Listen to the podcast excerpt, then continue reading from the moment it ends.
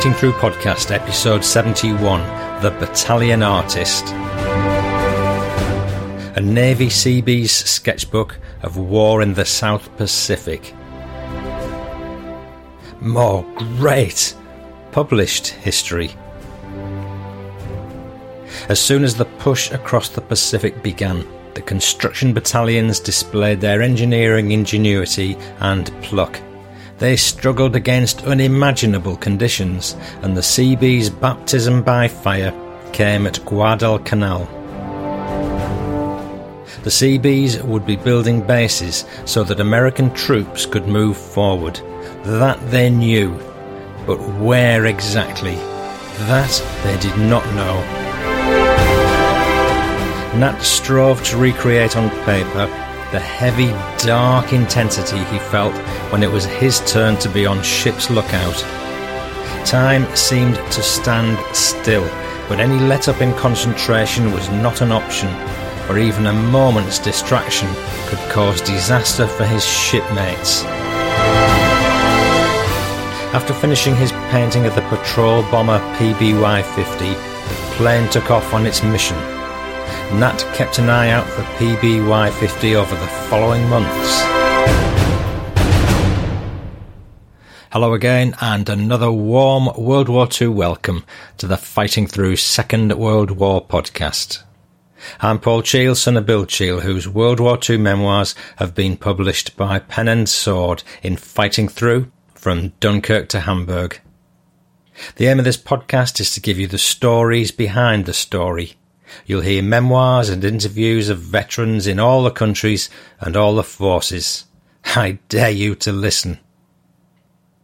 A long time ago, from a country far away, a lady called Janice Blake wrote to me.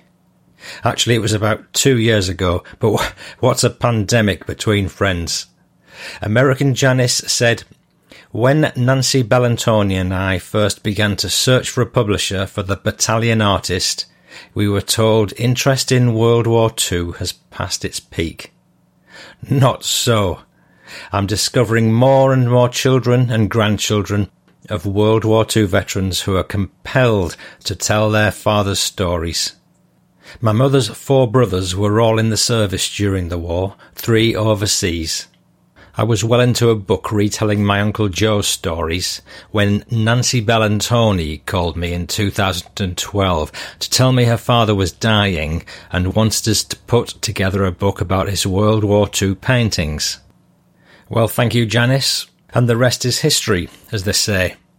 So, roughly 10 years in the making, Janice and Nancy have finally got Nancy's father's works published in a magnificent volume of narratives, paintings, and photographs, all depicting the war adventures of Nat Bellantoni and his naval comrades in the famous Seabees. And the book's been published by the Hoover Institution Press. And that is the main subject of today's episode.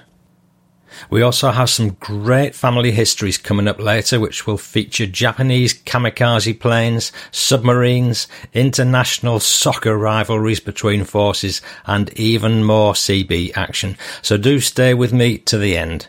And you do not want to miss the PS. I'll warn you now. Nancy Spencer has sent me a great memoir about her father's World War II adventures as a Seabee. Just a couple of bits of feedback before we get going. Um, thanks to Timmy Geo from USA who posted a five star review on Apple Podcasts. Tim listens to the show while he drives for Uber Eats, and you can see Tim's Like Riding with a Mate review on the Fighting Through podcast website. Oh, thanks, Tim. Um, this is Dave McNulty. Hey, Paul, I'm a 32 year old new listener to your podcast, and I just want to say this channel was a gem of a find. Being Irish, I've no real connections to the world wars, but my nanny, who is in her late 80s, was a kid during the war and only remembers the planes flying over Glengarriff in County Cork. She does remember turning off lights and hiding under tables, but that's about it. P.S. My, my last listen was the episode 29, POW story with Brian Asquith, and this was an amazing story. Dave, yes, it was. It's one of my favourites, and God bless the kind Polish people in that episode. So, uh, if you want to catch up, listener, POW episode 29. Dave, you've got somewhere to go to catch up. See you again at Christmas, maybe. Talking about Christmas, which I wasn't, but I will. Um, I'm planning a special Christmas episode, a bumper Christmas episode in December. So if anyone's got any wartime stories, send them in, please. I'll remind you again later.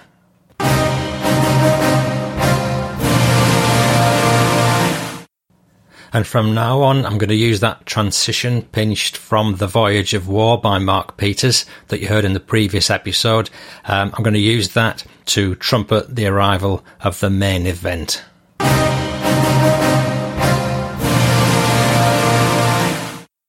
So here goes with The Battalion Artist.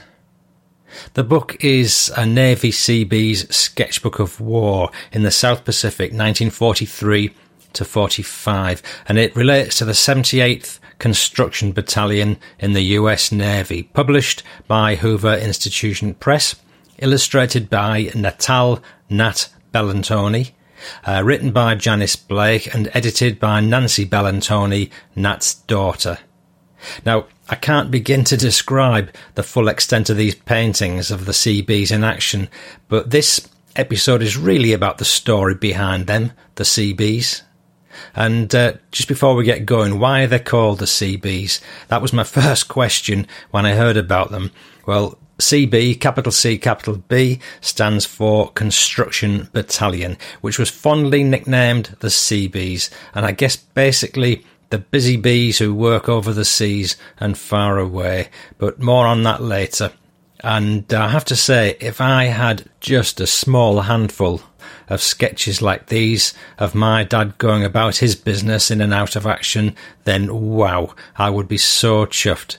Um, as usual, any pics I do refer to in this episode can be found in the show notes.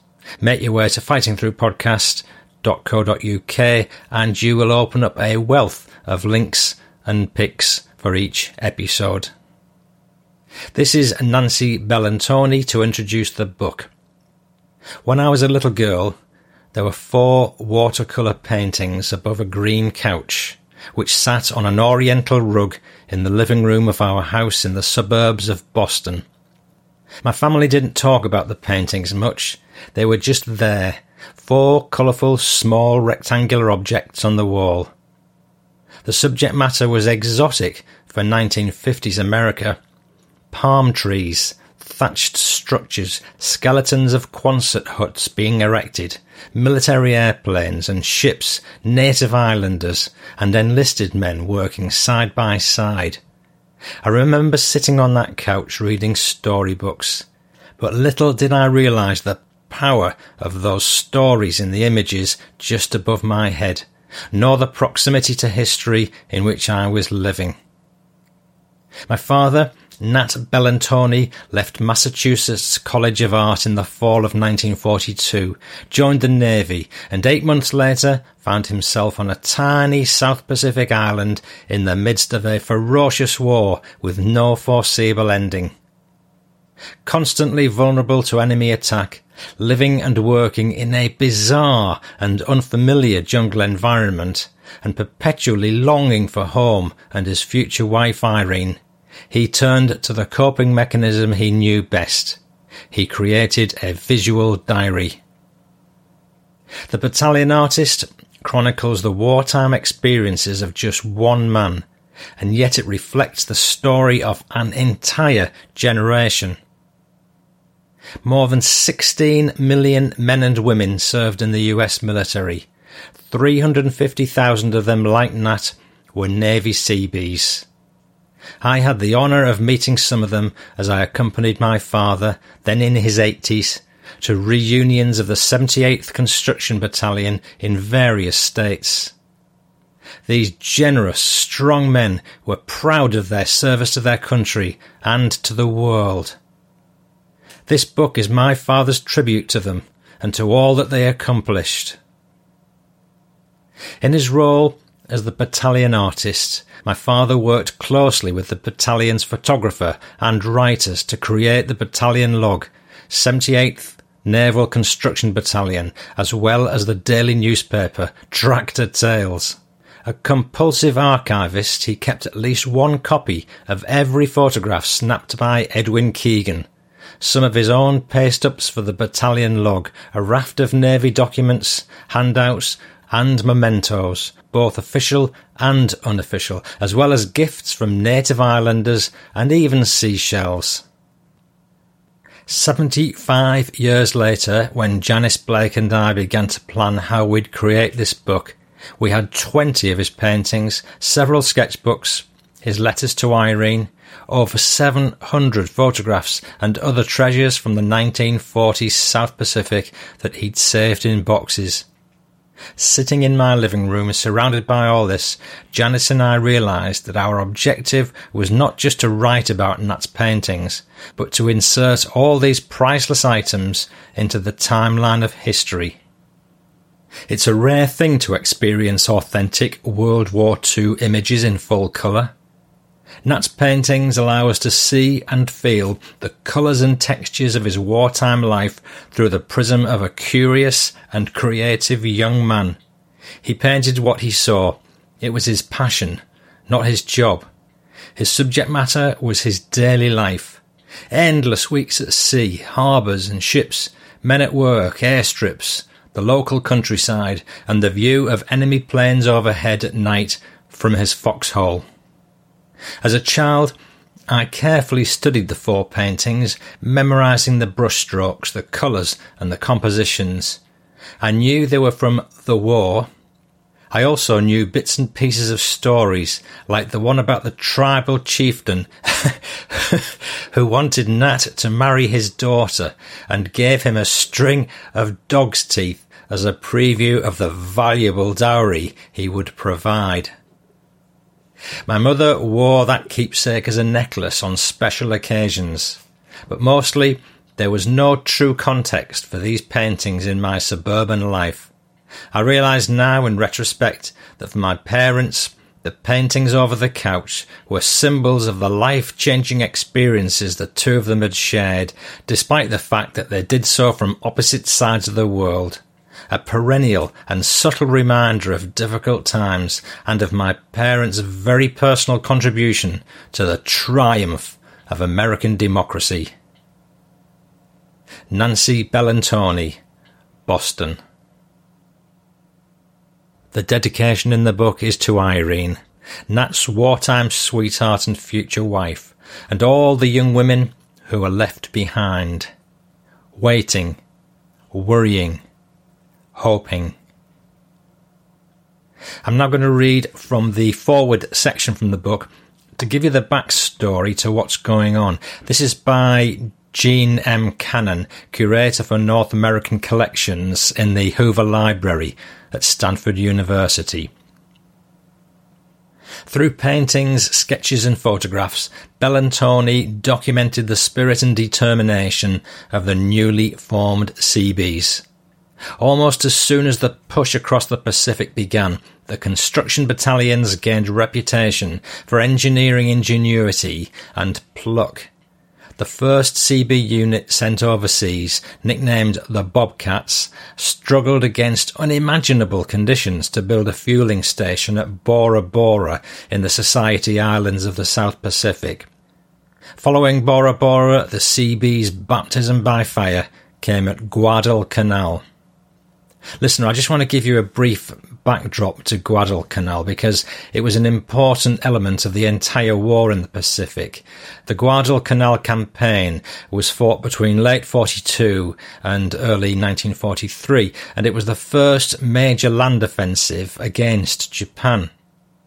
The Japanese defenders were overwhelmed by the Allies and made several attempts to retake the airfield, later called Henderson Field.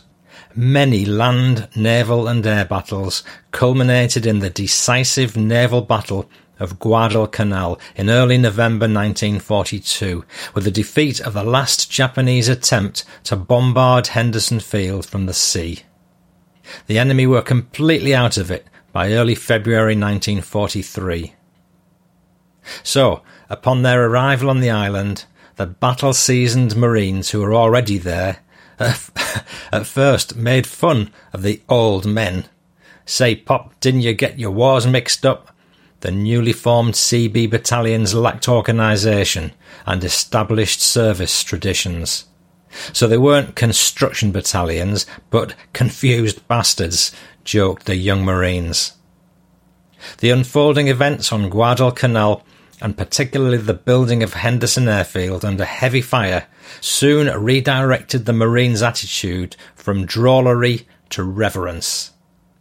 The CBs soon proved they could organise and execute the seemingly impossible engineering feats that allowed the Marines to continue their battle across the Pacific and into enemy territory.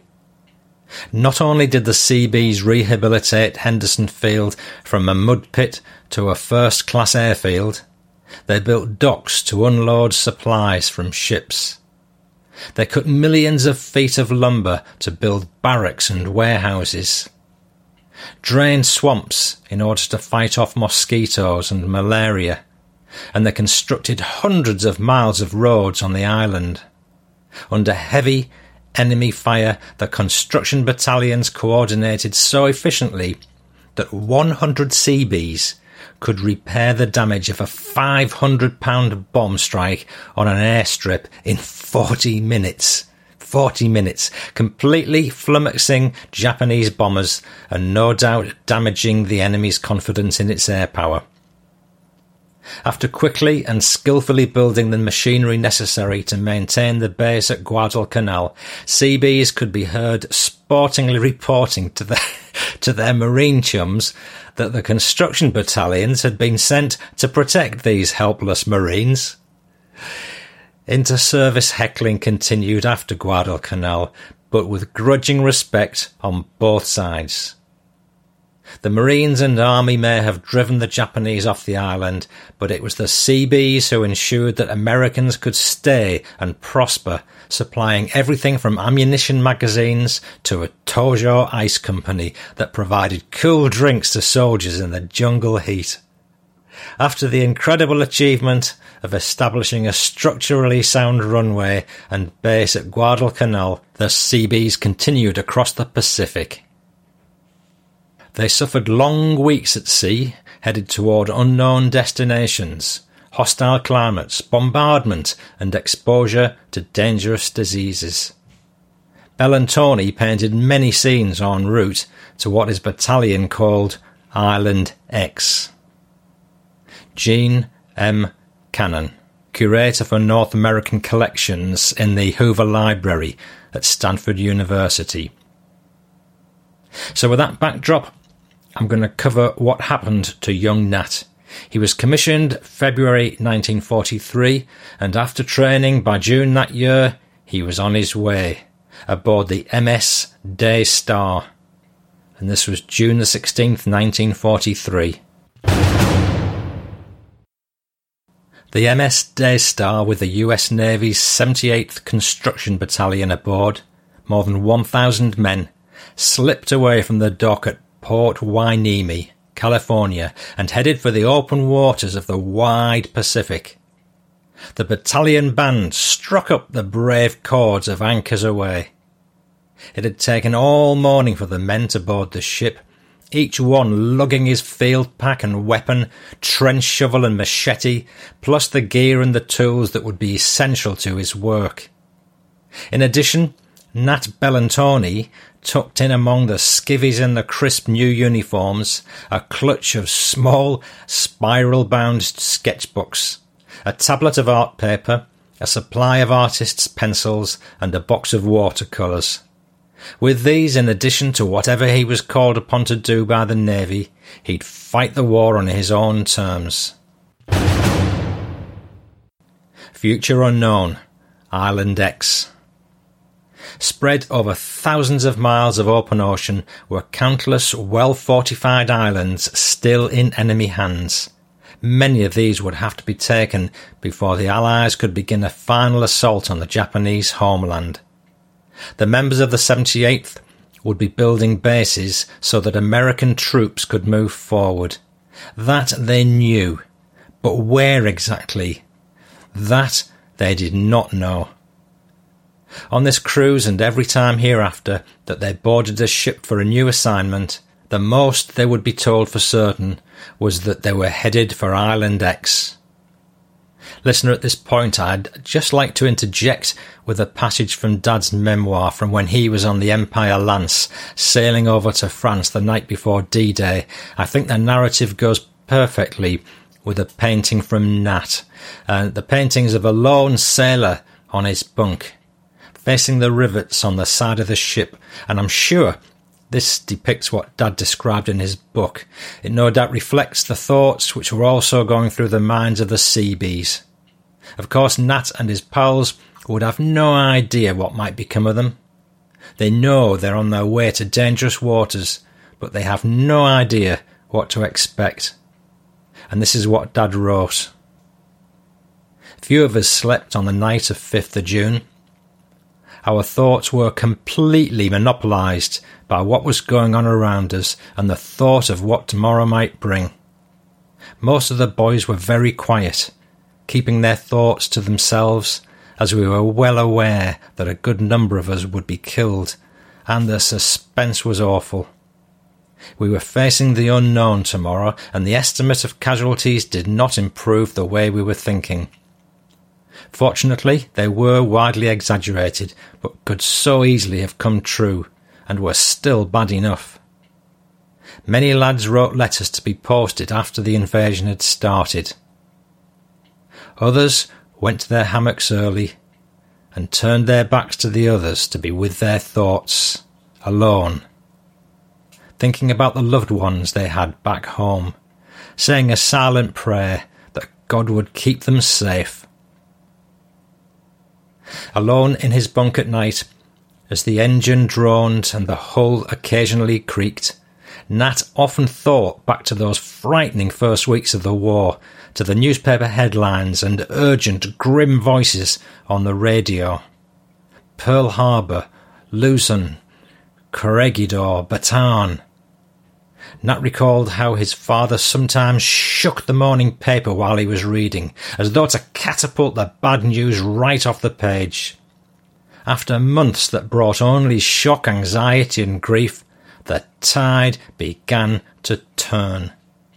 There was the Doolittle raid on Tokyo, the Battle of the Coral Sea, and then Midway, heralded as Japan's first decisive military defeat in over a century. Nat remembered how his mother had stood up and cocked her ear toward the radio when this good news came. A slight smile supplanted the look of worry that seemed to have given her a perpetually furrowed brow. At this moment in time, June 43, nearly a year after the Battle of Midway, the Japanese still controlled the vast oil reserves and rubber plantations of the East Indies and Southeast Asia. They were firmly entrenched in northern New Guinea. True, the US Marines had long since pushed them off Guadalcanal in the Solomons, and it had taken seven months of gruesome struggle, and the Japanese still held dozens of strategically vital islands across the Pacific. The CB motto was can do, and always before finally falling asleep, Nat would think about what he would be asked to do, could do, would do and by visualizing action, he pushed back the fear. Scanning the horizon. The vast Pacific Ocean covers more than 60 million square miles, more than a third of the Earth's surface. The distance between Port Hueneme and the Daystar's destination, the island of New Caledonia, off the coast of Australia was more than 6,200 miles. The men of the 78th Battalion would be at sea four weeks, but Nat, like his buddies, was unaware of these statistics. They didn't yet know where they'd be headed or how long their voyage would be. They'd find out where they were going when they got there. For now, What Nat and the rest of the Seabees did know was that they were jammed together in crowded quarters, and the days were long and the routines were fast becoming tiresome. They slept in bunks stacked four high and took turns to eat in the mess because there weren't enough seats for them all to sit down at the same time. The Daystar was a Danish ship captured from the Germans and refitted as troop transport. The Danish crewmen had stayed with their vessel and now crisscrossed the wide Pacific endlessly, bringing to its far reaches the men who were freedom's last best hope to turn back the Japanese tide of brutality and aggression. Sailors, marines, soldiers, and these Seabees. As the ship cruised westward, the only thing the men knew for certain was uncertainty. They were sailors aboard a ship and so were vulnerable to surprise attacks at any time from bombers in the air or submarines under the sea. Their first challenge then was to stay alive, and so around the clock each man took his turn at lookout. Endlessly scanning the horizon for enemy craft was a tedious assignment. Nat strove to recreate on paper the heavy, dark intensity he felt when it was his turn to be on watch. Time seemed to stand still. Any change in the look of things, even the warm glow of the sky at sunup and sundown, felt ominous. Certainly, taking a moment to enjoy the beauty of the dawn would be wrong. Any let up in concentration was not an option, for even a moment's distraction could cause disaster. Each man knew that when he was on watch, his shipmates were counting on him and him alone. You know, listener, I'm absolutely fixated by the issue of taking turns at lookout. Um, Dad mentioned it several times, and it was like some variation of so many hours on and so many off. And I'd just like to share a, another little passage from his book to uh, help paint the picture here. On the evening of D Day, the company settled down after the excitement and trauma of the day, and it was my turn to do guard with another lad. Two hours on and two hours off, which was different to the usual two hours on and four hours off. In a situation such as we were in, it was always essential to be constantly on the alert. Being on duty in pitch dark, when every move is magnified out of all proportion, and a knife in the back is a distinct possibility, keeps a lad on his toes, every nerve straining for the sound of an enemy patrol. They too would be silent, listening for the slightest giveaway sound. So Nat's situation was clearly similar, except he'd be looking for either other ships or maybe the giveaway trace of a deadly torpedo heading silently towards them. Such was the responsibility upon people that Dad said they were given the day off before and after lookout duty to make sure they were well prepared and recovered. Wow. So here's a bit of Nat's experience, and this uh, the there's an accompanying picture to this narrative called Gunwatch. Although nobody ever spoke of it, the men aboard the Daystar knew very well that the water on which they sailed had absorbed and dispersed the blood of untold numbers of their comrades in arms. When the light cruiser USS Juneau was sunk off Guadalcanal back in November 1942, 687 men were lost, including five brothers the Sullivans. In March 43, while the 78th was still training in Gulfport, Mississippi, American and Australian planes had attacked a Japanese convoy headed for New Guinea with troops and supplies. Eight enemy troop transports and four destroyers were sunk. More than 3,000 enemy soldiers and sailors were killed. And of the 150 enemy fighter planes escorting the convoy, 102 were shot down. This stunning Japanese defeat would be remembered as the Battle of the Bismarck Sea. With it, the blood of the enemy also poured into the waters of the Pacific. In April, US codebreakers had discovered the whereabouts of Admiral Isoroku Yamamoto, mastermind of the Pearl Harbor attack. P 38 fighters succeeding in shooting down his plane.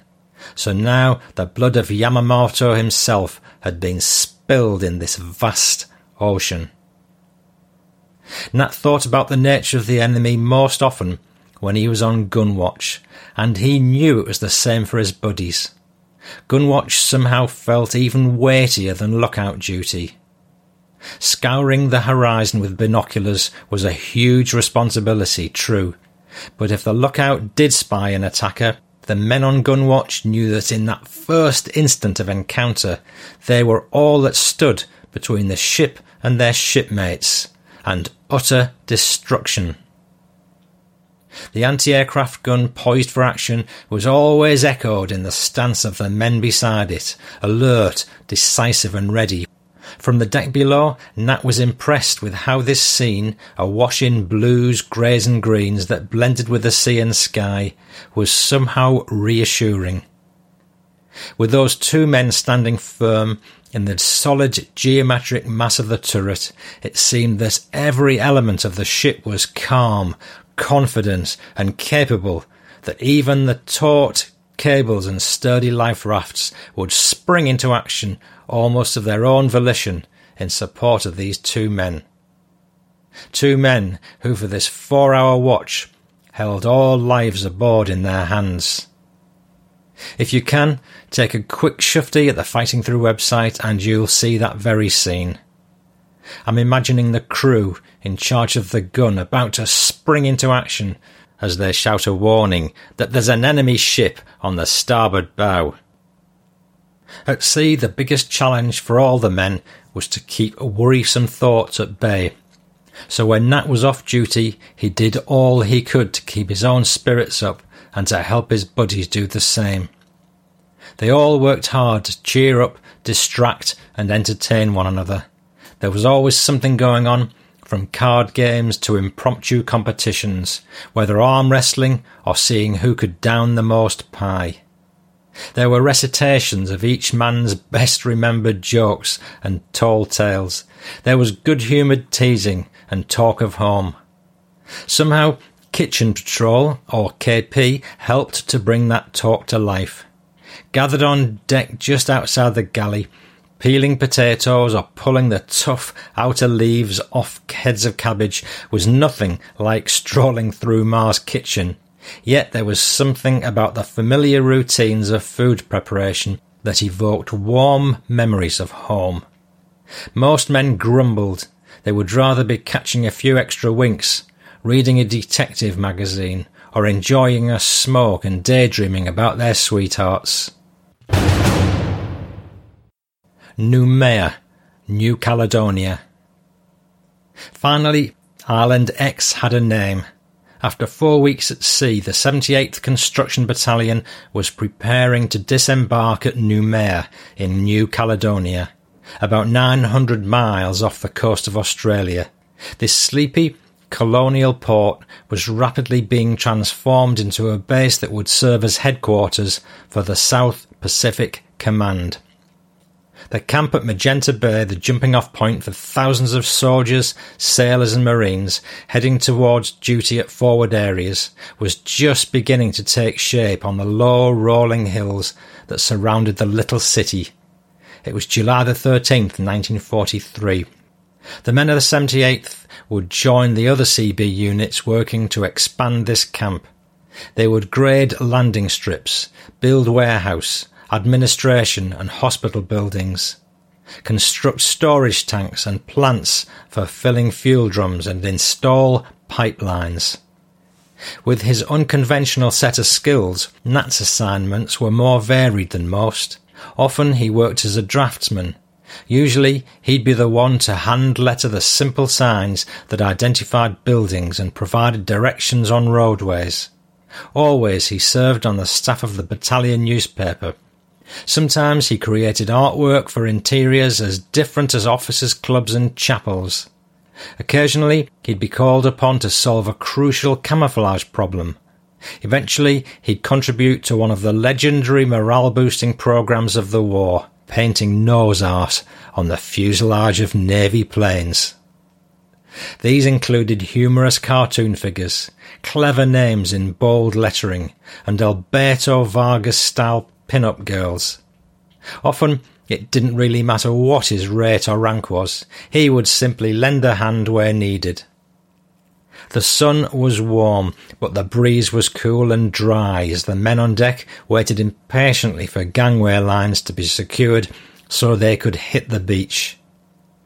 Maybe it won't be so bad, Nat thought as he shouldered his sea bag, but maybe it'll be worse than my worst nightmare. The tangle of shuffling men began to move.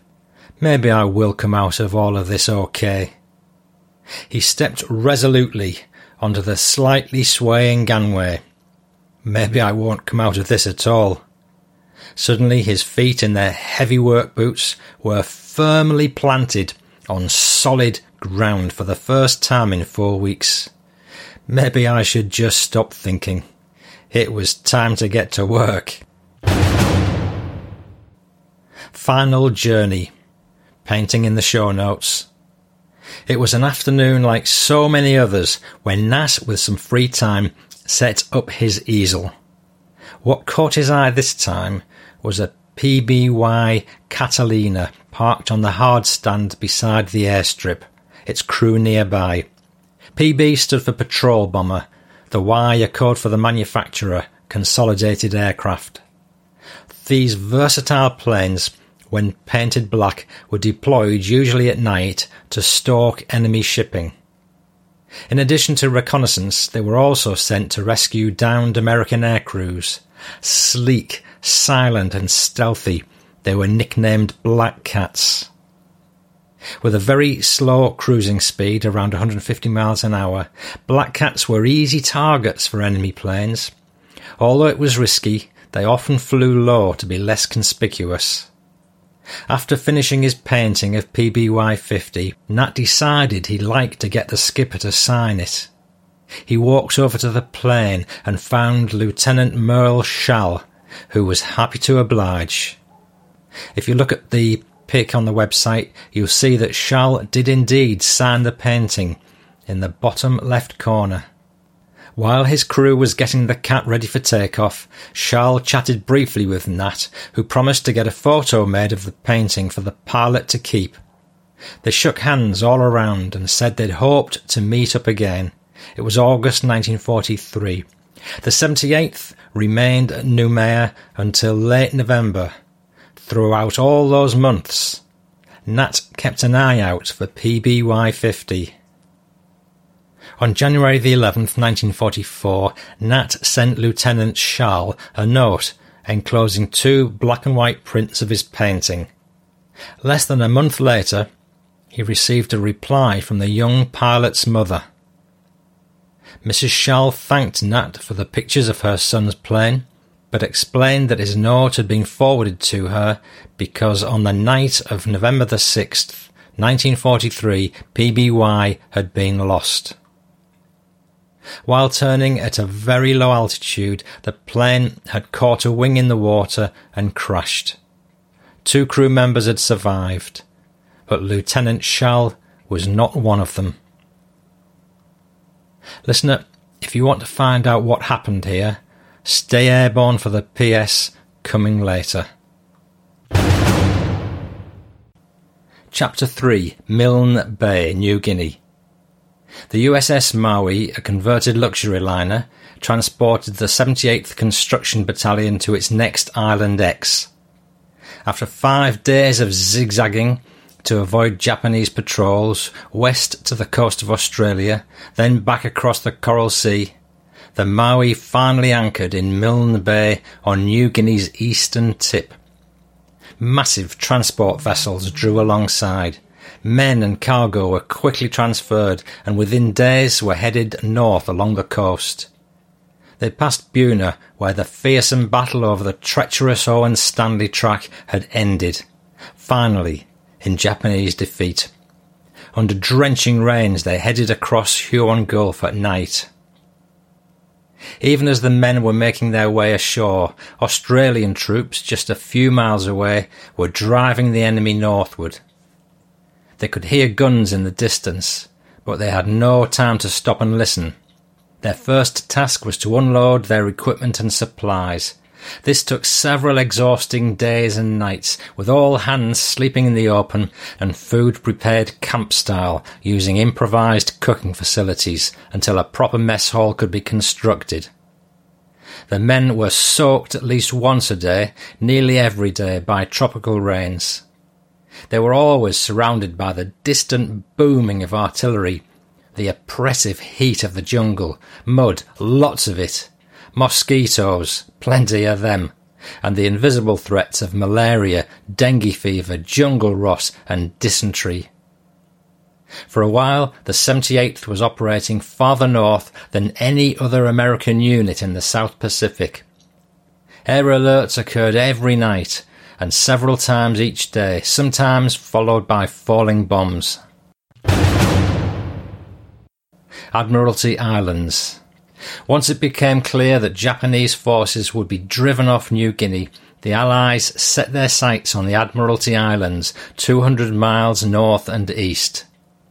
The Admiralties offered plenty of space for a major US base and an ideal strategic position for moving north. It was March 1944.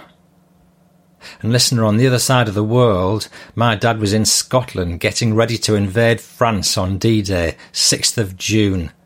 So all the Allies were doing their bit for the collective defeat of Hitler and Hirohito. That trust and teamwork amongst the Allied countries is quite breathtaking and heartwarming. The 78th Construction Battalion was transferred to these islands in several waves. Those who arrived first found that the area assigned to them for bivouac had been a battlefield only a few days earlier. They saw destruction everywhere abandoned foxholes, huge bomb craters, splintered palm trees, ruined equipment, even enemy dead, not yet buried. Just a few hundred feet away, artillery was blasting away at Japanese fighters who were stubbornly holding their positions. Nat took a long, slow look around, then tossed his sea bag aside. So this would be it, his third Island X. Outsmarting Reality, another painting in the show notes. The men of the 78th worked their fastest, barely stopping to eat and sleep. They knew that the Army, Navy, and Marine Corps were all waiting. As soon as this base was operable, battles would be launched. Every man pitched in. Rate and rank and regular jobs were irrelevant.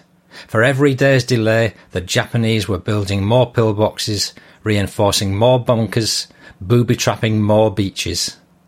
The days passed quickly. Yet somehow the months did not. It could take weeks for a letter to leave Nat's tent in the South Pacific and arrive at Irene's home 14,000 miles away, and weeks more for him to receive her reply. Nat daydreamed about finding a way to magically cross all those miles. A grass skirt purchased from one of the islanders sparked an idea. Nat sent it to Irene, and she sent back a snapshot of herself wearing it. Meanwhile, Nat had wrapped himself in a native sarong and asked a buddy to take a picture of him. With both, with both photos in hand, all it took was a little darkroom magic. There they were together. It was fun. It was romantic. But it wasn't enough. Hitchhiking South Pacific style. Throughout the South Pacific, the islanders were eager to help the US Navy defeat the Japanese. They often served as porters, scouts, messengers, and able seamen. They used their outriggers to transport men and supplies to landing places too shallow for the Navy longboats. In return, US sailors were more than willing to assist the natives when and how they could. One of the easiest things the sailors found to do was to provide an impromptu towing service. An islander who saw a Navy launch overtaking him would wave. The Navy boat would slow down and throw out a tow line. With the line secured, the outrigger would zoom along.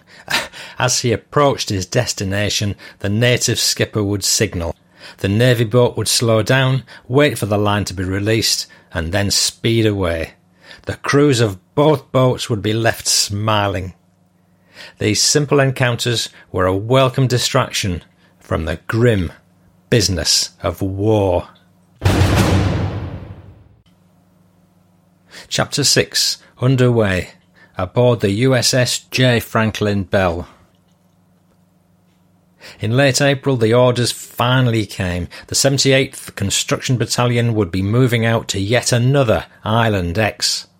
Although there was never an official acknowledgement, Nat knew exactly where the 78th was headed. They all did. As the 78th Construction Battalion scrambled aboard the Franklin Bell, there was a sense of restless energy in the air.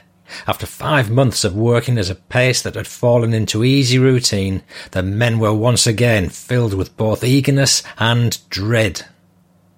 Determined since the beginning to do all they could to help win the war, every man knew that they would never reach that goal without a long, tough, dangerous, and exhausting stint on one last Island X. They would need to build a massive base that would take the war to its inevitable final endpoint. The base that would enable fighting men to launch an invasion of the Japanese home island. They were headed for Okinawa, where ferocious fighting was already underway. Chapter 8 Finally, it was over. At 2:45 a.m. on August the 6th, 1945, the B-29 Superfortress Enola Gay lifted off from North Field, Tinian Island. Five hours later, with Hiroshima's Aoi Bridge aligned in the crosshairs of his Norden bombsight, the plane's bombardier released its unimaginable payload, the first atomic bomb ever exploded over a populated city. The world would never be the same. On August the 9th, a second atomic bomb was dropped on the city of Nagasaki, and the Soviet Union, having declared war on Japan the day before, invaded Japanese held territories in Mongolia, Korea, and several North Pacific islands. On August the 15th, in a radio broadcast marking the first time he'd ever spoken directly to his subjects, Emperor Hirohito announced Japan's acceptance of the Allies' demand for unconditional surrender. Japan's war had cost nearly 20 million Asian lives, more than 3.1 million Japanese lives, and more than 60,000 Western Allied lives. Finally, it was over. Leaflets were dropped by the thousands behind Japanese lines. Printed in both English and Japanese, they encouraged Japanese soldiers to surrender, assuring them safe passage and humane treatment. At long last, Nat and the men of the 78th Construction Battalion were heading home with sea bags on their shoulders and pride in their hearts.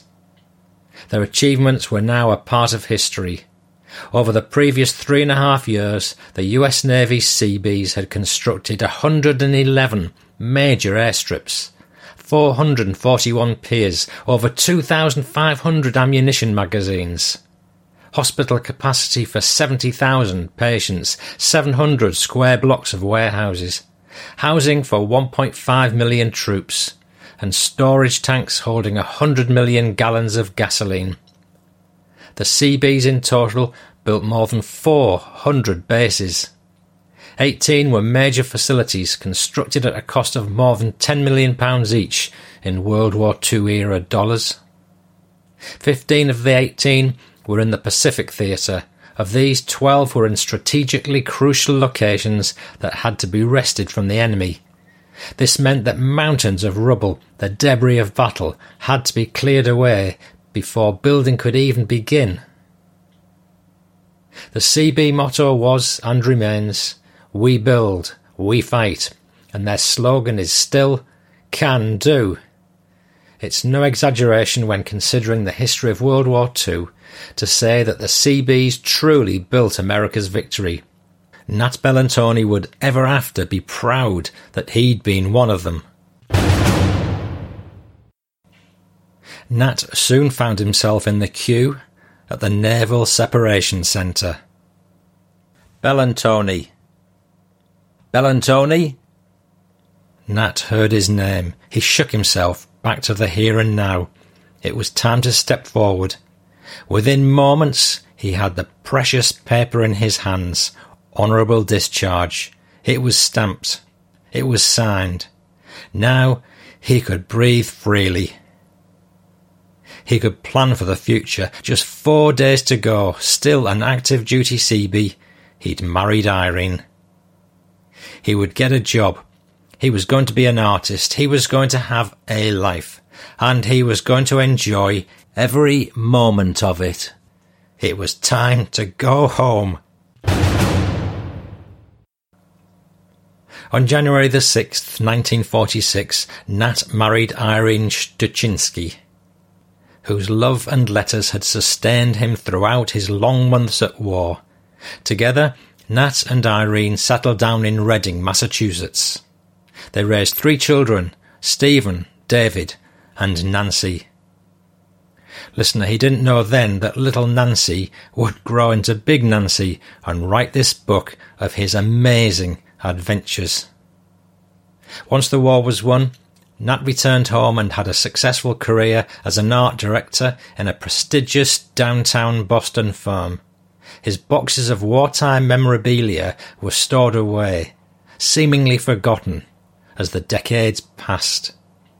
Now, with his children grown and his mortgage paid, Nat began to reconnect with old friends and old memories. At the age of 91, he dreamed of sharing his wartime story this book is the fulfillment of that dream.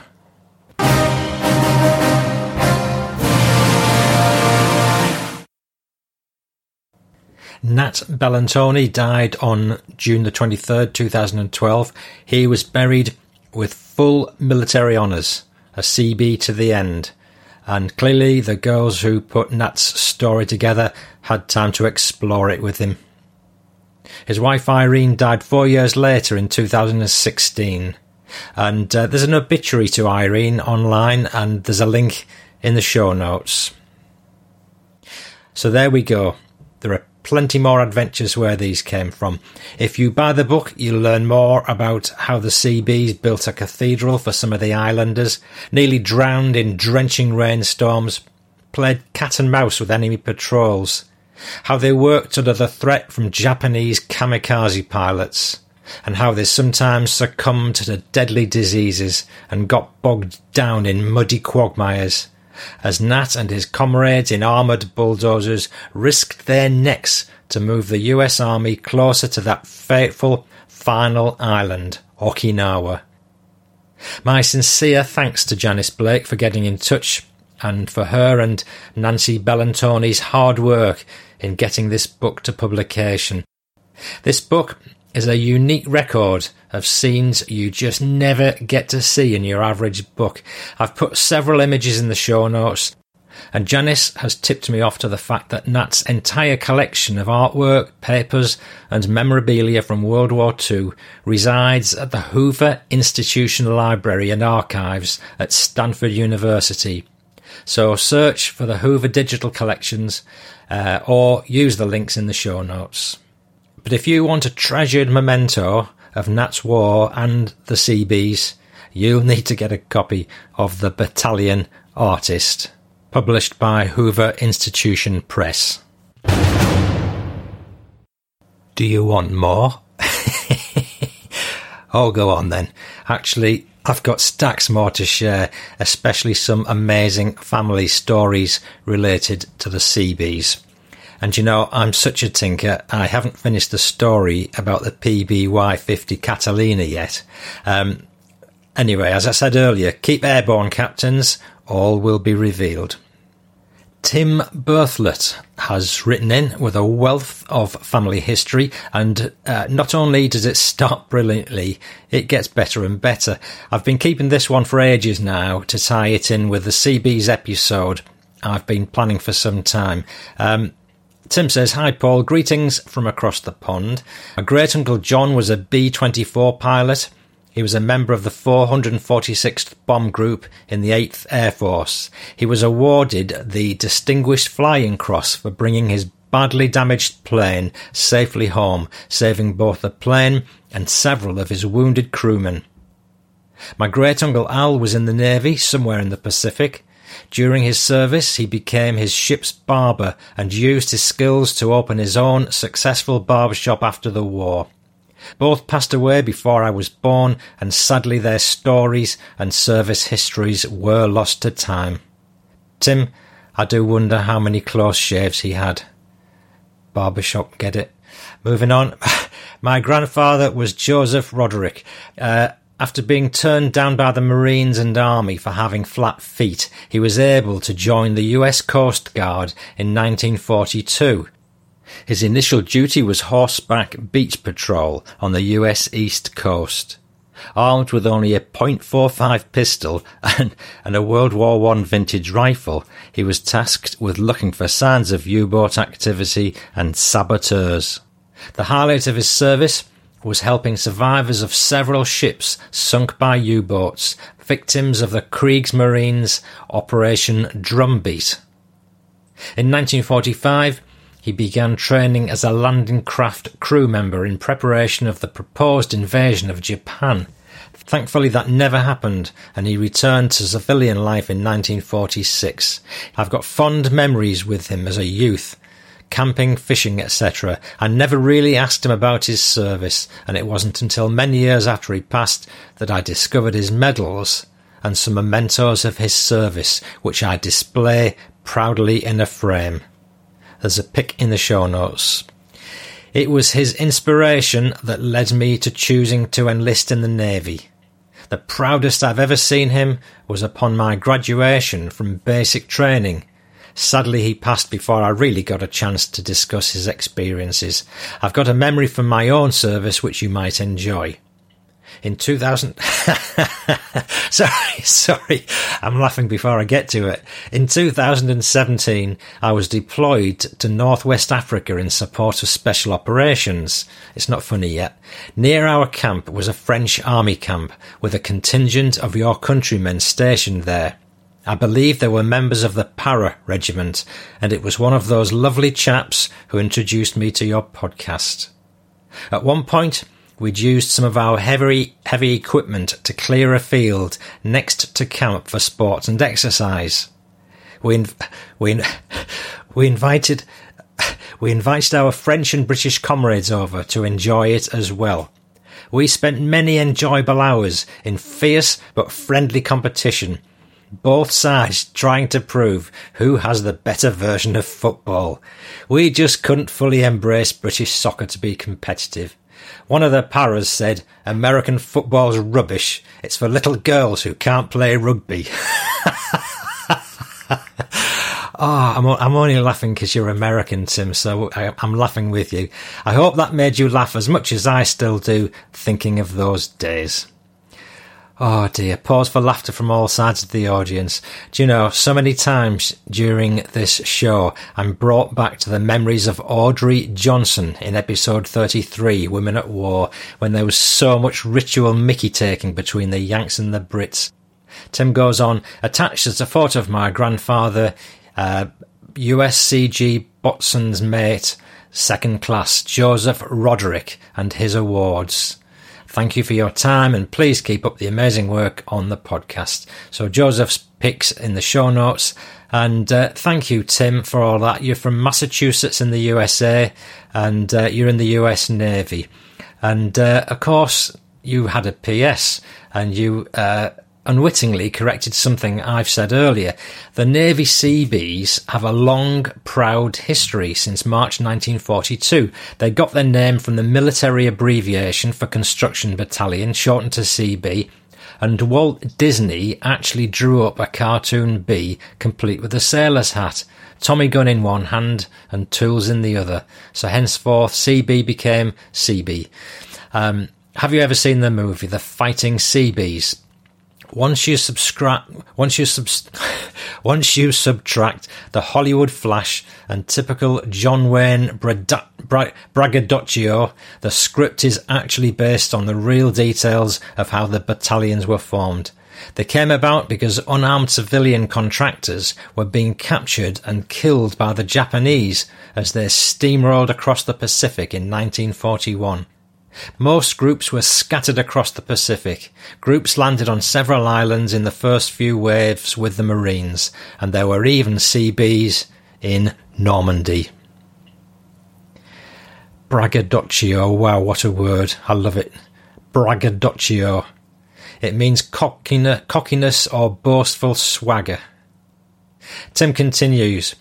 I served in the Seabees from 2002 to 2017, 15 years, as a mechanic of heavy equipment, four years active duty and the rest was reserve time. I've had several deployments, including convoy security in Iraq and the one to Africa for the camp maintenance assignment that I mentioned earlier. Tim, thank you so much for all that. Uh, you sent sent it in with all the great timing that surpasses that of a soccer centre forward. David Money now. Hello, Paul. My granddad on my dad's side was John Edward Money, and during the war he worked on an Air Force base in England, and my dad believes he was a, an LAC, leading aircraftsman. My uncle believes he sometimes worked on a US Air Force base and pulled dead bodies out of the bombers. My dad always remembers his dad telling him, I've seen aeroplanes you'll never see. He's always told me this sentence whenever I mention World War II. I was born in 1973 and he passed away before then, but I know he survived the war. I just never met him. My uncle was William Money Bill and was in the Royal Navy on HMS Milne. Um, and he was in the convoys to Russia. I've been told he was on a ship off the coast of Normandy on D Day. A bit of war stuff now. Um, this is a shout out for Dan Carlin. He doesn't he doesn't need it personally, but uh, I've got to mention this in his latest stupendous season from the Hardcore History podcast. It's it's called Supernova in the East. And uh, Dan's voice for drama comes into good effect again as he rolls out a series that, by sheer chance, absolutely perfectly complements the memoirs of Australian veteran Les Cook, which I've recently covered. Um, you can start Supernova at episode 63, but if you want to pick up on the part relating to Les, Les Cook's memoir, join it at episode 66. Um, but if you've not heard hardcore history before, I promise you will be rejoining it again at the very start, episode 63. Um, so if you want an insight into the brutal backdrop to Les Cook's experience in New Guinea and more, leading to the final defeat of Japan, um, plus indeed a, a, perspective of the entire Pacific War, which we've just been covering in this episode, uh, listen to Dan's Supernova series onwards of hardcore history on a podcast player near you. And uh, Dan doesn't pull any punches, so do be prepared to be shocked. He won't be telling any jokes. Oh my goodness, I think you've got at least another half an hour to go yet. Um, but right now, I'm, I'm just going to say thank you so very much for your support and making the time to listen to me. Um, it means a lot. And please write like, rate, review, or share the show, howsoever it pleases you. Above all, enjoy. And please do hear me next time. Hey, aren't we having fun with the Fighting Through podcast? And following up from what I said earlier, if anyone has any Christmas at War stories, please do get in touch because I'm gradually getting memories together for a, a, Christmas special in December. It doesn't have to involve bombs and bullets, uh, more more crackers and contraband, but anything goes really. Is there any snow on the ground? Yeah, that'll that'll do nicely. Uh, there's a PS coming up about Nat Bellantoni's missing Catalina aeroplane, and an extra bonus, extra long PPPPS, or a 4PS as the man in the clothes shop might call it. It's a memoir from John Serra from the Seabees, which Nancy Spencer, who I mentioned earlier, sent in. John was her father. And if the mention of Jap submarines, kamikazes, and ice cream machines gets you salivating, then you need to listen in.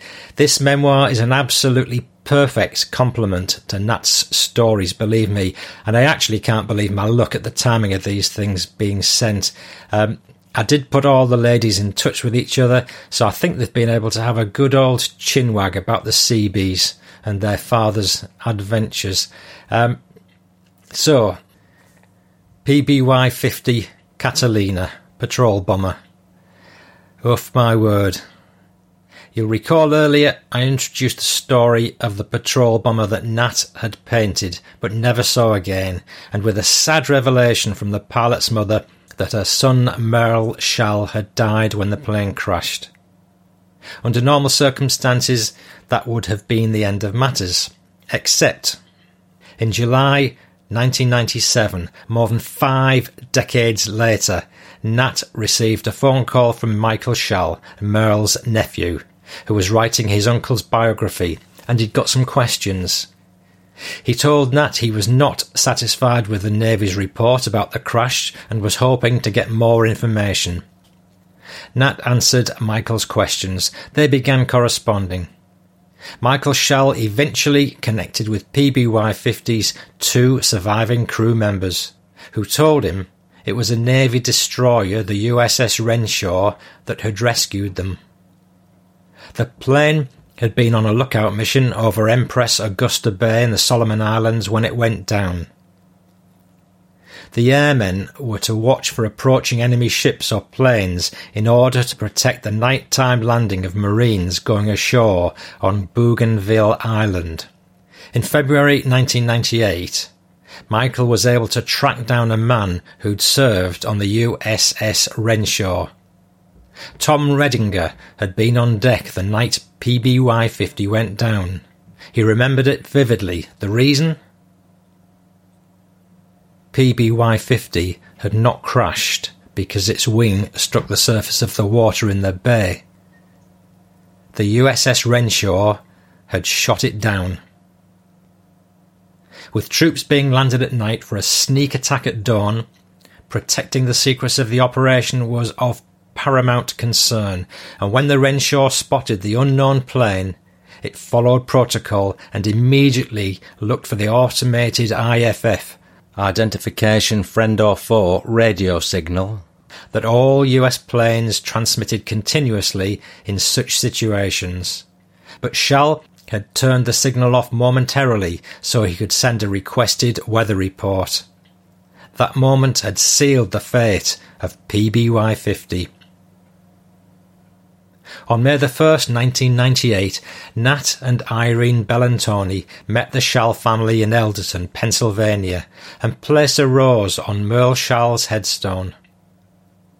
With that, Nat felt the sense of peace about this beloved little plane that he'd been seeking for 55 years.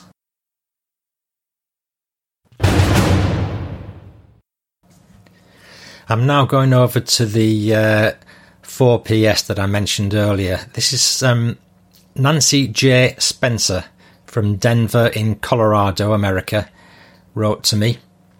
Uh, her father was a Seabee as well. And uh, if, if you imagine, I might have got confused of having two Nancys. I did. But after the confusion, Nancy Spencer from Denver said, My dad, John Serra, was a Seabee with the US Navy and served in Alaska, Saipan, and in the invasion of Okinawa. He wrote, he recorded his service, and it's on the Library of Congress website, Veteran History Project, and I'm putting a link in the show notes. And we've got John actually recorded.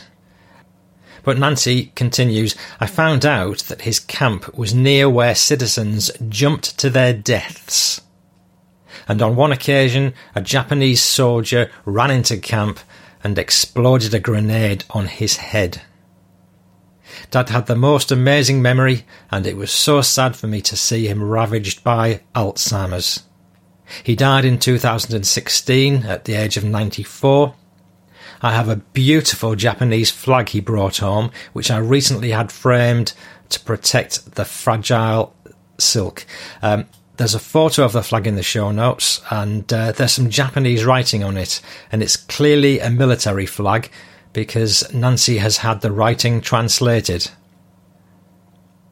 And she says, I had a cousin who was a cloistered nun in Japan, and she translated most of it for me.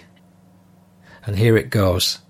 In memory of landing on the string of islands between Rye Island and Rio Island. A cheerful song of the Aka Island. The wind is fresh on Aka Mountain, the forever unshakable island of Aka. By our conquering this most beautiful land, the land is going to prosper. The young Navy men who gather together here with one single heart will not weaken in their courageous efforts, but will go on with their duty. Breaking the dream, paradise of this deserted island, the tide of culture will be swirling in it with daily renewed strength, we will determine eternal victory. Let us rise up all together, whipping up our drooping hearts. Let us run single mindedly towards the shore of a holy purpose. Then there's a line that Nancy couldn't translate, followed by, The battle is ended. Peace came. By Masao Otao in Aka Island to the head of the village, Sashi Yonobuchi, and I think it's it's from from nurses Sumiko Murai Tsumi and Hatsuko Yonobuchi. So it looks like this flag was a gift from some nurses, presumably Japanese nurses. And gosh, I've I've just been looking at the names of these islands. Um, Aka Island, where the poem's writer came from, is near Okinawa and Rai Island, or Ri Island, is near Papua New Guinea, where there was a lot of fighting, and obviously where Aussie veteran Les Cook did a lot of fighting. So this poem is from somebody based on firmly held Jap territory near Okinawa, celebrating the taking of another island near Papua, Papua New Guinea. I couldn't locate Rio Island, uh, but no matter. Aka Island is also known as the hospital island, would you believe? And it seems to me like the flag was a gift to the head of the village from the nurses. Nancy continues, Dad always made his experience sound like summer camp.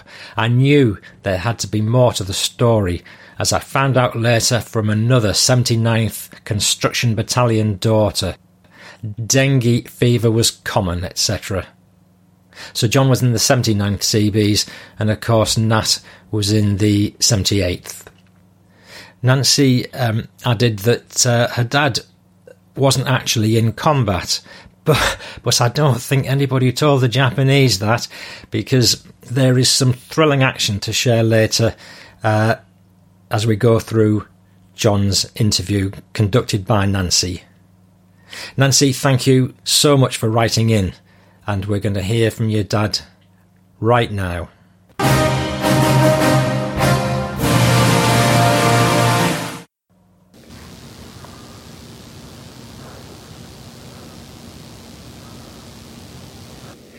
This is December the 20th, 2003, recording of John J. Serra, former Seabee, World War II, and his veteran experiences at that time.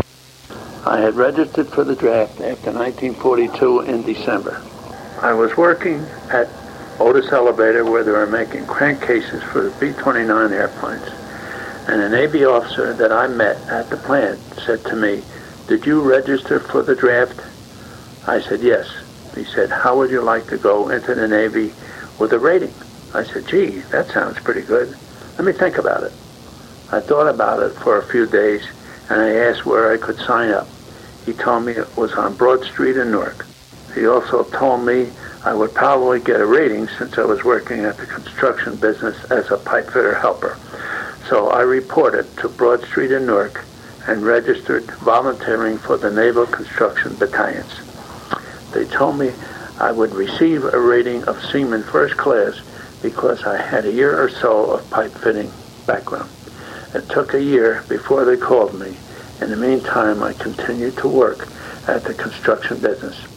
I worked at several war plants and Walter Kidde Company making fire extinguishers. Also a plant where they were making machine guns and North Federal Shipyard, Kearny Shipyard, all the time doing pipe work. Days and weekends, anything to help the war effort. I was finally called to active duty on early December, reported for active duty on December the 28th. I had to report to Broadway, New York, I forget the number, and I had to be there at 7 p.m. I was with a whole group of guys who were scared to death like I was. It was the first time being away from home for most of us.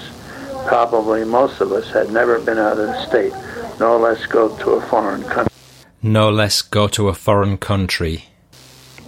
We were getting our physicals and they were reading off the names and they got to one fellow's name that was hard to read and they had to use a mirror because it was printed backwards.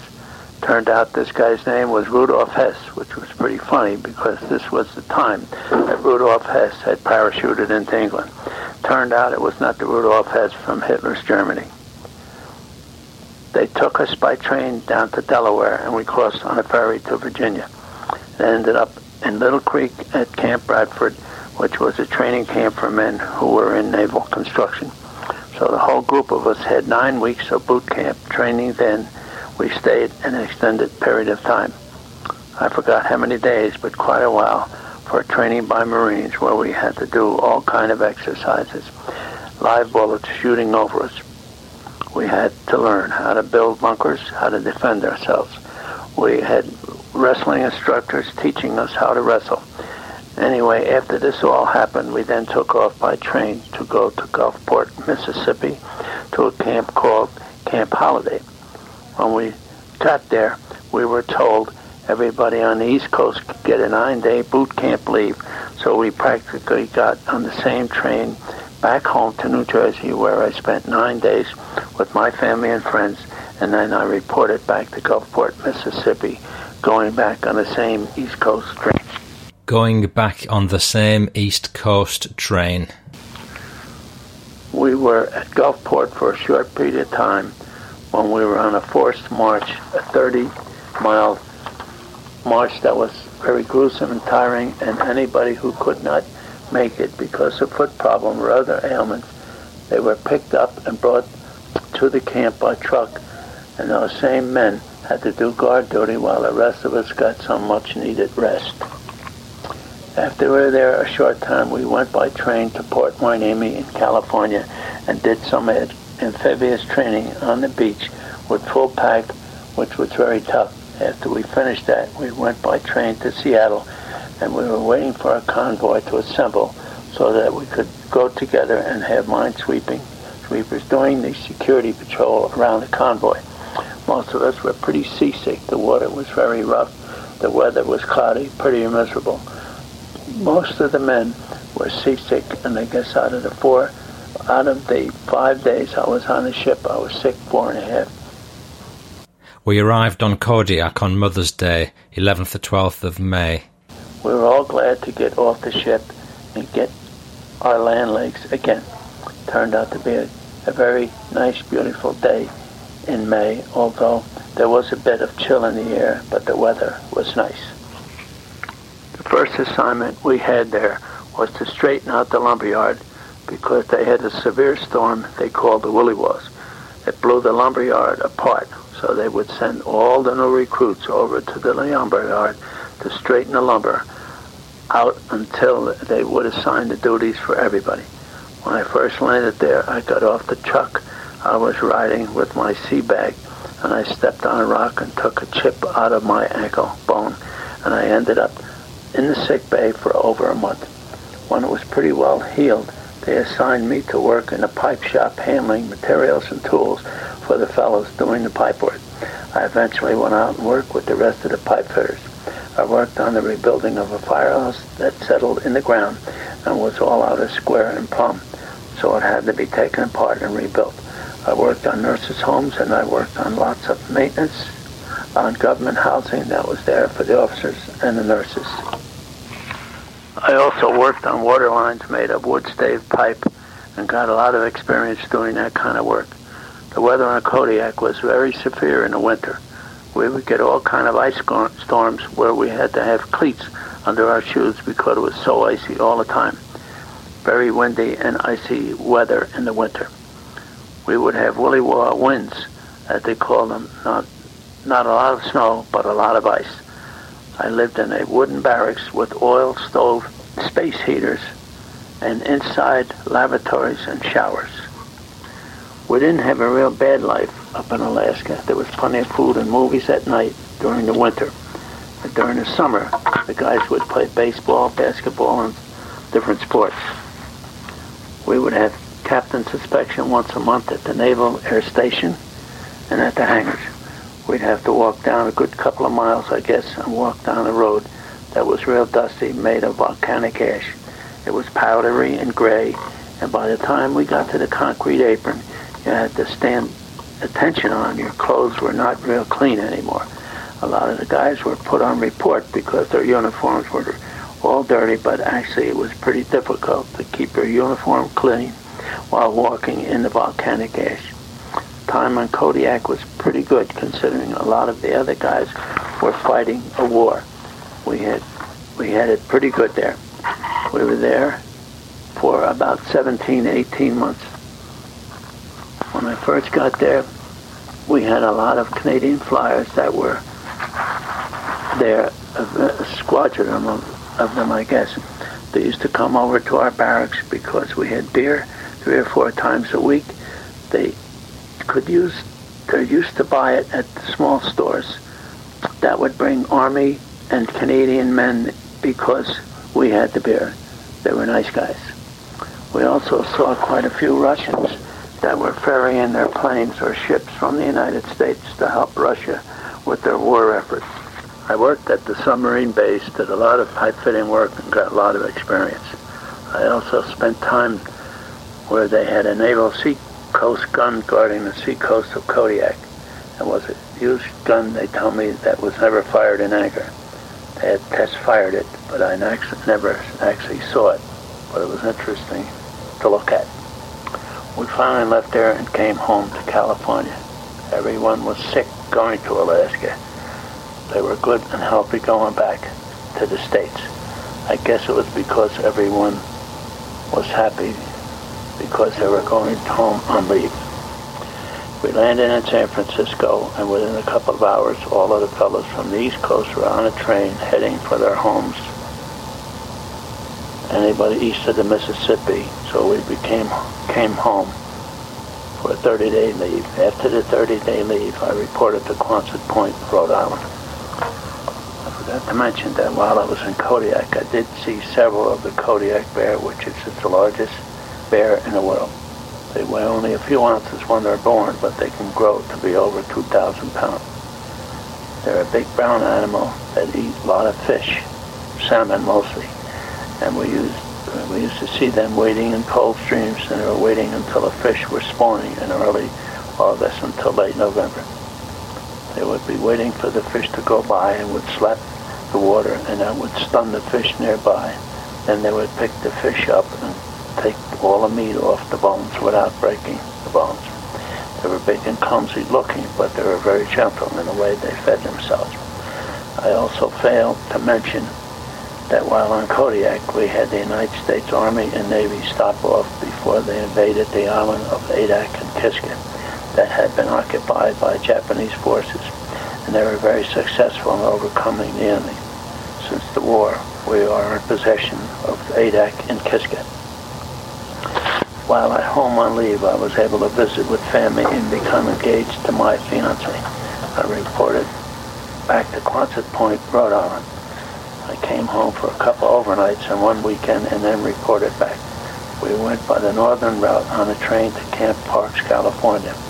We had a very interesting train ride. I remember going through the Canadian Rockies, which was beautiful with all the snow, very picturesque. We landed on Camp Parks and did some more training there. And all the fellows that were west of the Mississippi,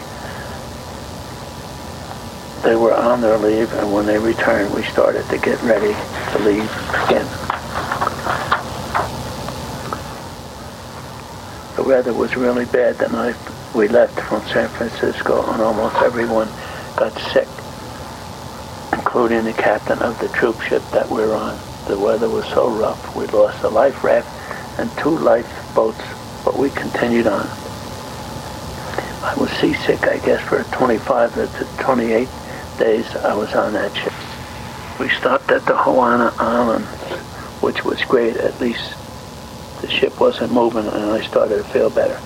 I was, I was not lucky enough to get off the ship, but after we were there a few days, we started on our way again and continued on to Saipan Island. And we landed at night and had to unload the ship in the dark because the Japanese were still on the island and it was not secured.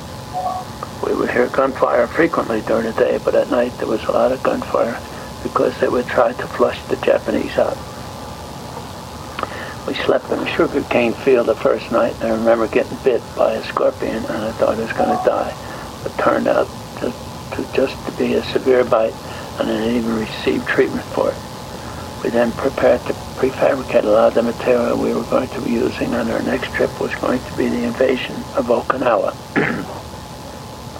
we prefabricated the entire piping system that we would need in our mess hall, which was going to be driven by steam. They were going to be cooking by steam kettles, so we had to prefabricate all the piping from the boiler to the kettles and also piping to hot water heaters that would use for cooking and washing dishes and also for showers. We were there for about six weeks, then we started to load the LSTs. Our whole battalion fit on three, three ships with all our equipment, which was tremendous. We had bulldozers, cherry pickers, shovels, backhoes, and sheep sheepfoots, and all kinds of machines needed for road building and airport runways, as well as air compressors, welding machines, refrigeration, almost everything you could think of. We had on those three ships, including a whole lot of beer and Coca-Cola. Also, while I was on Saipan, I worked on a water pipeline I was going to feed a Coca-Cola plant. Turned out that I met somebody who was an engineer for Coca-Cola that I had met in civilian life while working on a Coke plant on 7th Street and 1st Avenue in Newark, New Jersey. And it was quite interesting that I would meet this man after working at the Newark plant. He was in charge of the plant on Saipan. When we were on our way to Okinawa, after we left Saipan one evening about 5 p.m., while standing in line for chow for some unknown reason, I did not get seasick on, on that ship. While we are standing out looking over the water, all of a sudden a Japanese sub surfaced about 250 feet away and a Marine guard on our ship fired at the sub and hit it with an 03 rifle shell that must have awakened the captain and the sub and they quickly submerged.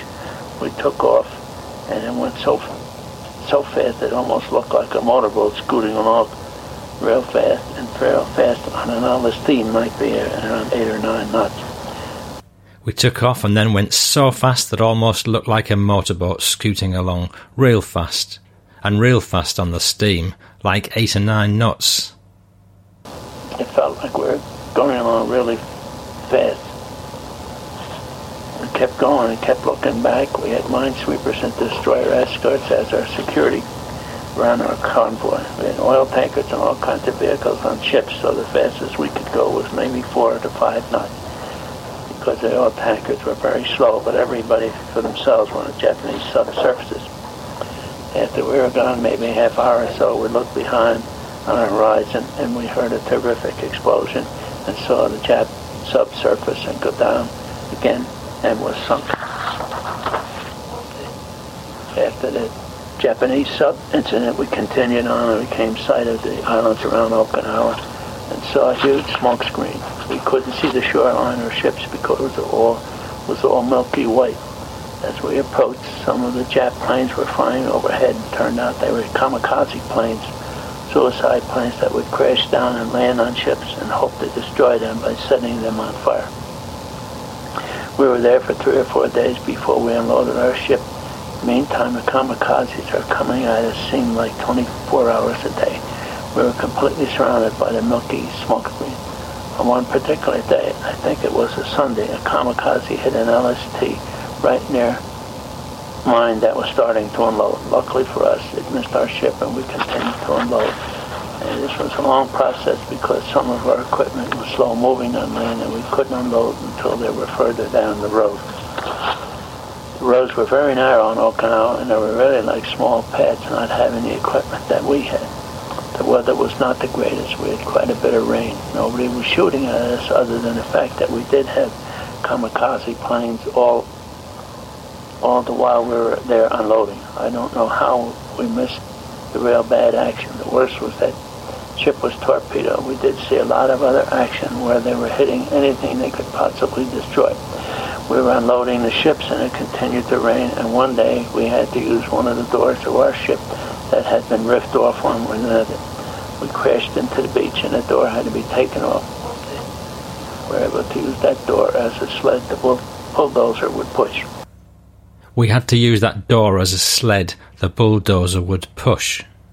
We put a lot of our equipment on that because the road was so full of mud that the only thing that moved were bulldozers due to the torrential rains, it took us a long, long time to unload.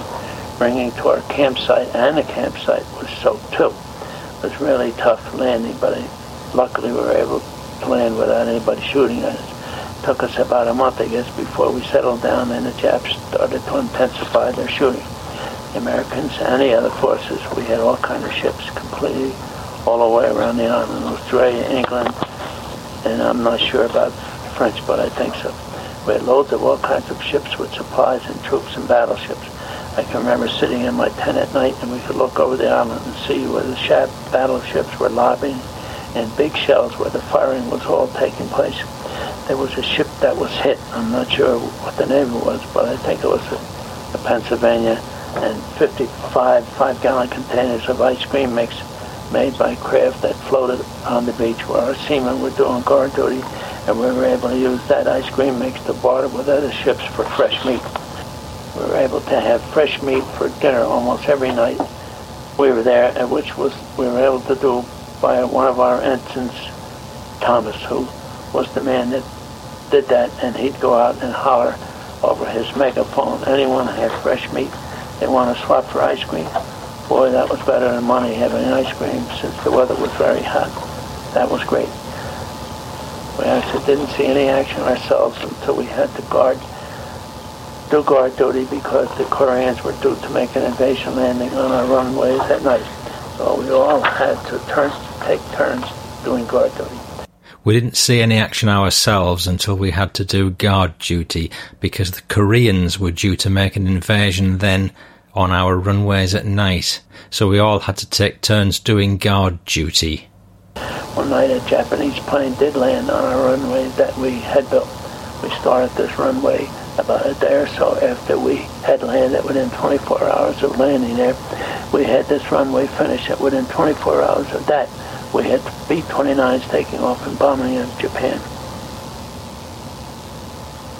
One night the Koreans didn't land there. They laid land and they infiltrated our area and one of our seamen that was doing guard duty was able to shoot a couple of them, but he tripped on a flare wire and was killed.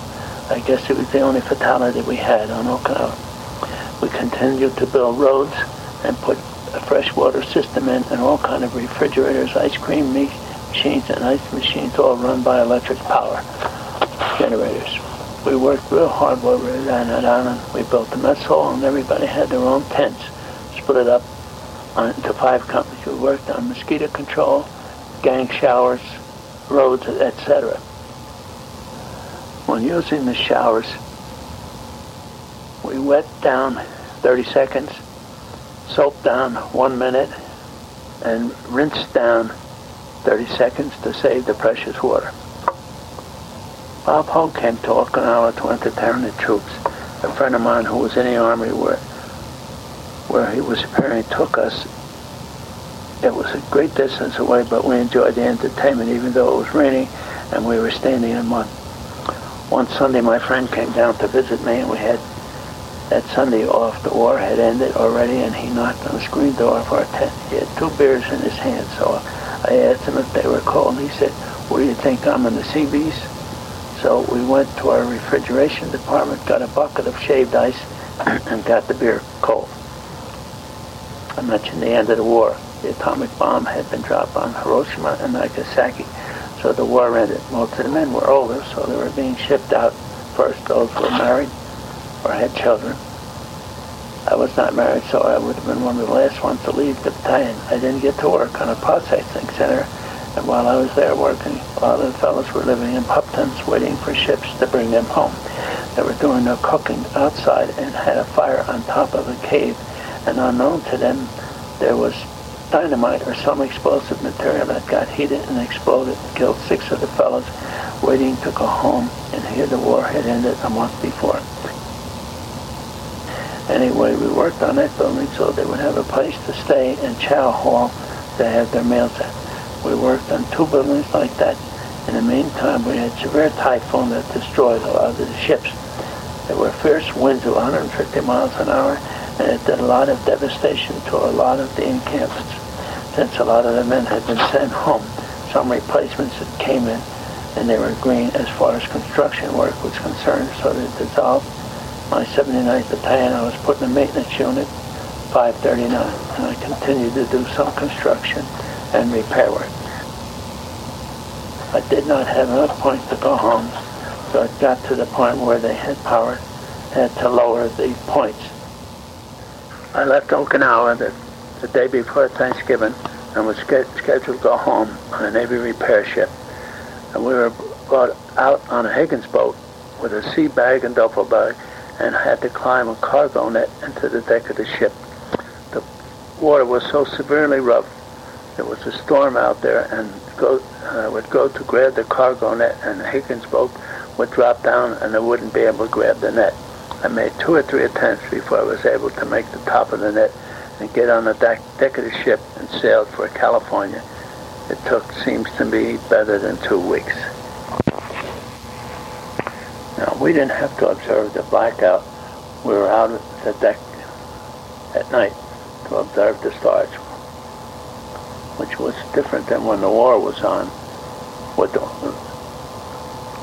We got to the California coast, landing at Treasure Island in the morning, although we were quite a distance away from it.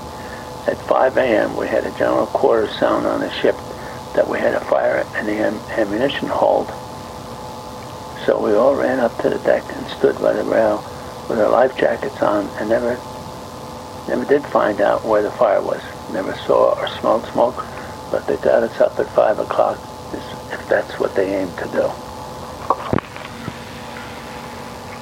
We finally pulled into Treasure Island and disembarked, reported for mustard, and brought us down to a barracks. It was late in the after- afternoon by the time we got settled down they had to issue us new dress blues because I had lost my clothes in a typhoon on the island.